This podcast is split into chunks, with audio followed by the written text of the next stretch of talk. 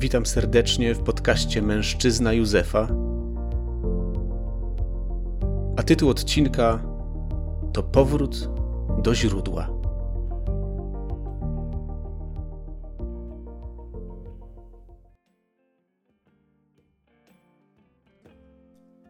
Ostatnio moja najmłodsza córka nauczyła się jeździć na dwóch kółkach na rowerze.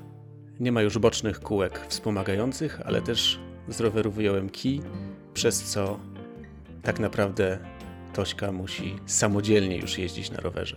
Musi i chce, ale ponieważ ja nie mam tej pokusy, żeby kij łapać wtedy, kiedy zacznie chybotać się na boki, no to tak naprawdę oprócz tego, że chce, to musi jeździć na tym rowerze sama. Przypominałem sobie ostatnio, jak to było z całą czwórką moich dzieci, jak się uczyły, jak każdy z nich uczyło się jeździć na, na tak zwanych dwóch kółkach. I śmieszne jest to, że każdy z nich nie dość, że uczyło się inaczej, nie dość, że uczyło się na innym rowerze, to jeszcze y, każdemu z nich zajmowało to inną ilość czasu. Niektóre z dzieciaków od razu wsiadły na rower danego roku, danej wiosny, bo zawsze to działo się na wiosnę. Inne potrzebowały nawet dwóch sezonów. Być może więc ta nauka po prostu w niektórych przypadkach zaczęła się za wcześnie. Ale jakkolwiek wcześnie by się nie zaczęła, jeżeli warunki są sprzyjające, jeżeli nie dochodzi do zniechęcenia, to dziecko nauczy się jeździć na rowerze samodzielnie. I myślę, że jest to bardzo ważna umiejętność. Każde z dzieci w pewnym momencie zachciało. Wiem, że ja też chciałem jeździć na rowerze e, samodzielnie. A czy wy pamiętacie, jak uczyliście się jeździć na rowerze? Na dwóch kołach? Samodzielnie?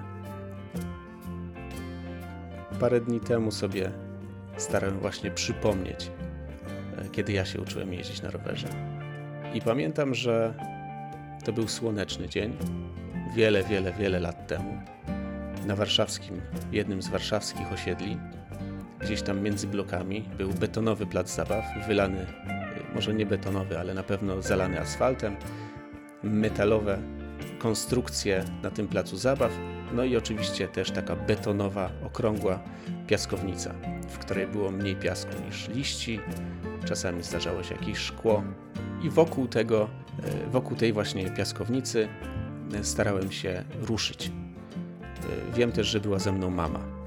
I nie pamiętam konkretnie momentu, kiedy ruszyłem sam. Tu zawsze moja mama opowiadała, że ona doskonale pamięta ten moment, więc mogę tylko go przytoczyć z jej opowieści, że ona była bardzo już zniecierpliwiona tą sytuacją i zagroziła mi po prostu konsekwencjami, że jeżeli nie ruszę, to coś tam się stanie. Ja zupełnie inaczej pamiętam ten dzień. Ja e, bardzo optymistycznie i radośnie pamiętam e, sytuację, kiedy stałem na tym rowerze. Wiem, że już jeździłem potem. I co tylko też takie obrazy, które pamiętam. Na przykład obraz sąsiada, który, starszego pana, który przechodził i gdzieś mi zamachał ręką. Pamiętam, że zastanawiałem się, dlaczego on tak dziwnie macha, to znaczy tak obraca dłonią w lewo i w prawo, zamiast machać nią w górę i w dół, tak jak ja to wtedy robiłem. I pamiętam, że trochę nawet ćwiczyłem machanie w ten sposób, który już mi został. E, ale, ale to są takie właśnie takie momenty, które pamiętam. Dlaczego zdecydowałem się dzisiaj o tym opowiedzieć? Po pierwsze, bardzo się cieszę z tego, że e, Tosia jeździ na rowerze. Wybraliśmy się ostatnio do przedszkola, pojechała sama i doszliśmy do wniosku wspólnie, że to chyba jeszcze nie jest czas na tak długie, tak dalekie wyprawy do przedszkola z naszego domu. Jeszcze poćwiczymy trochę tutaj e, wokół domu, żeby ta e, podróż była przyjemniejsza i żeby sprawiała radość obojgu zainteresowanym, czyli mnie pilnującym jej i, i, i samej Tosi. A drugi powód, dla którego poruszyłem ten temat, to to, że w samej nauce jazdy na rowerze jest coś, coś bardzo ważnego. W momencie dziecka coś bardzo ważnego, w momencie też rodziny, bo jest to swego rodzaju uniezależnienie się. Jest to swego rodzaju usamodzielnienie.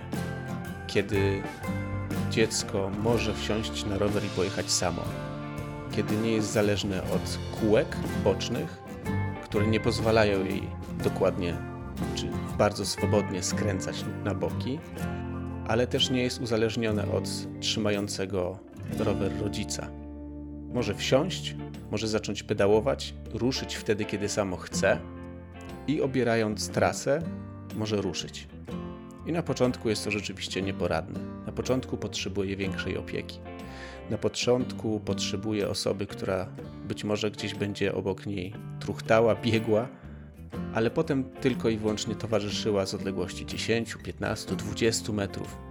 A na samym końcu, kiedy już jestem w stanie, kiedy już mogę usiąść albo stać i po prostu patrzeć, czy dziecko pojedzie i wróci uśmiechnięte, rozradowane, to jest, to jest ten moment, kiedy wiem, że, że ta misja została zakończona sukcesem. I tak jak w przypadku jazdy na rowerze, jesteśmy w drodze. Jesteśmy w drodze, której się cały czas uczymy. Ja czuję, że jestem w drodze, której się cały czas uczę. W życiu codziennym, ale też w życiu duchowym, w nieustannym podejmowaniu decyzji. I na początku, kiedy byłem dzieckiem, kiedy byłem nastolatkiem, zawsze liczyłem na to, że podczas podejmowania tych trudniejszych decyzji będę miał takie oparcie, że jeżeli coś pójdzie nie tak, że jeżeli podejmę błędną decyzję, jeżeli zdecyduję się na krok, który będzie miał jakieś negatywne konsekwencje, to będę mógł się oprzeć na kimś, albo będę mógł się oprzeć na czymś, co pozwoli mi szybko albo stanąć na nogi, albo może, żeby, żeby złagodzić te negatywne konsekwencje. Teraz już jest zupełnie inaczej. Teraz decyzję podejmuję sam. Oczywiście e, bardzo często wspólnie z żoną, ale nie ma już osób, które będą łagodzić czy niwelować negatywne konsekwencje albo decyzje w moim życiu, a szczególnie w życiu duchowym. Oczywiście zawsze mogę liczyć na moją żonę, zawsze mogę liczyć na, na rodzinę, na przyjaciół, ale ostatecznie to ja odpowiadam za swoje decyzje. Ale tak jak na rowerze, podczas nauki na rowerze mogę się zachwiać, mogę się zachybotać. Co więcej, ta kierownica może się skręcić, a ja mogę spanikować i mogę zupełnie zjechać z trasy. Tak samo w życiu mogę się zagubić. Tak samo w życiu mogę doświadczyć okresów, które są trudniejsze, gdzie trochę zboczyłem z drogi, gdzie się trochę zagubiłem. Do tego tematu zainspirowało mnie też czytanie, które niedawno pojawiło się w kościele, dotyczące rozpoznania przez uczniów zmartwychwstałego Jezusa. Oni też w pewnym momencie w Ewangelii świętego Jana decydują się pójść łowić ryby, czyli decydują się tak naprawdę wrócić do początku, do początku Ewangelii. Prawie ten sam skład uczniów Jezusa wraca do zajęcia, które w ich życiu wszystko zaczęło. Zmartwychwstanie Jezusa było w ich życiu prawdziwym przełomem. Ale mam wrażenie, że takich przełomów w życiu doświadczyliśmy już też nieraz. Przełomów nawrócenia, przełomów postanowienia zmiany życia, przełomów przyjęcia prawdy o Bogu, przełomów doświadczenia Jego miłości. Ale w pewnym momencie, na pewno mogę mówić za siebie, dochodzi czasami do takiej sytuacji, kiedy, kiedy po prostu chcę iść łowić ryby, kiedy ja już nic w tym momencie nie, nie rozumiem z tego, co się dzieje. I wracam do, do tego pierwszego momentu, do tego momentu, w którym, w którym wszystko się zaczęło.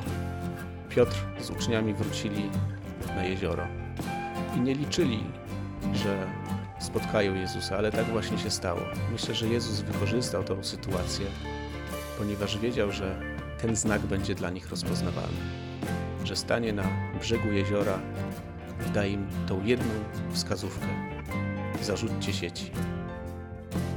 Podczas nauki jazdy na rowerze jest kilka rzeczy, których uczyłem dzieci i na pewno każdemu mówiłem rzeczy takie same, ale też każdemu z nich dawałem inną wskazówkę zależnie od ich potrzeb. I kiedy Tosia się zatrzymywała i kiedy Tosia starała się ruszyć i nadal się stara ruszyć sama, czasami po prostu widzę, że nie idzie. Mówię, połóż stopę na przedni pedał. Potem tylko pytam na przykład, a który jest przedni? I lekkie popchnięcie, czasami nawet nie jest potrzebne. To lekkie popchnięcie wystarcza i Tośka dalej rusza znowu rusza. Potrzebny jest jej tylko ten znak, ten powrót do źródła, do tego, co jest pierwsze, do tego, co pozwala jej ruszyć, tego, co pomaga jej ruszyć. Jakie jest Twoje źródło? Czy pamiętasz ten moment albo te momenty w swoim życiu, kiedy czułeś prawdziwą radość i bliskość z obecności Boga u Ciebie, ale też w Twojej rodzinie? Kiedy, kiedy wszyscy gromadziliście się wokół stołu, kiedy wszyscy gromadziliście się na modlitwie? Może tak było w Twoim domu rodzinnym. Może było tak raz. Czy pamiętasz tą radość ze spotkania z Jezusem? Kiedy ją przeżywałeś? Czy pamiętasz to źródło? Gdzie od tego czasu zaszedłeś? W którym miejscu jesteś? Czy ta droga się rozwija? Czy czujesz, że idziesz dalej? Czy czujesz się zaopiekowany? A może warto faktycznie pójść łowić ryby? Może warto zrobić krok, kilka kroków, kilkanaście kroków wstecz i wrócić do tego momentu, gdzie wszystko się zaczęło. Nie traktować tego jak porażkę, jak cofnięcie się w życiu, ale jako znalezienie drogi, znalezienie szlaku, punktu odniesienia. Tak jak w górach. Czasami trzeba wrócić do ostatniego rozwidlenia, żeby wrócić na właściwą drogę.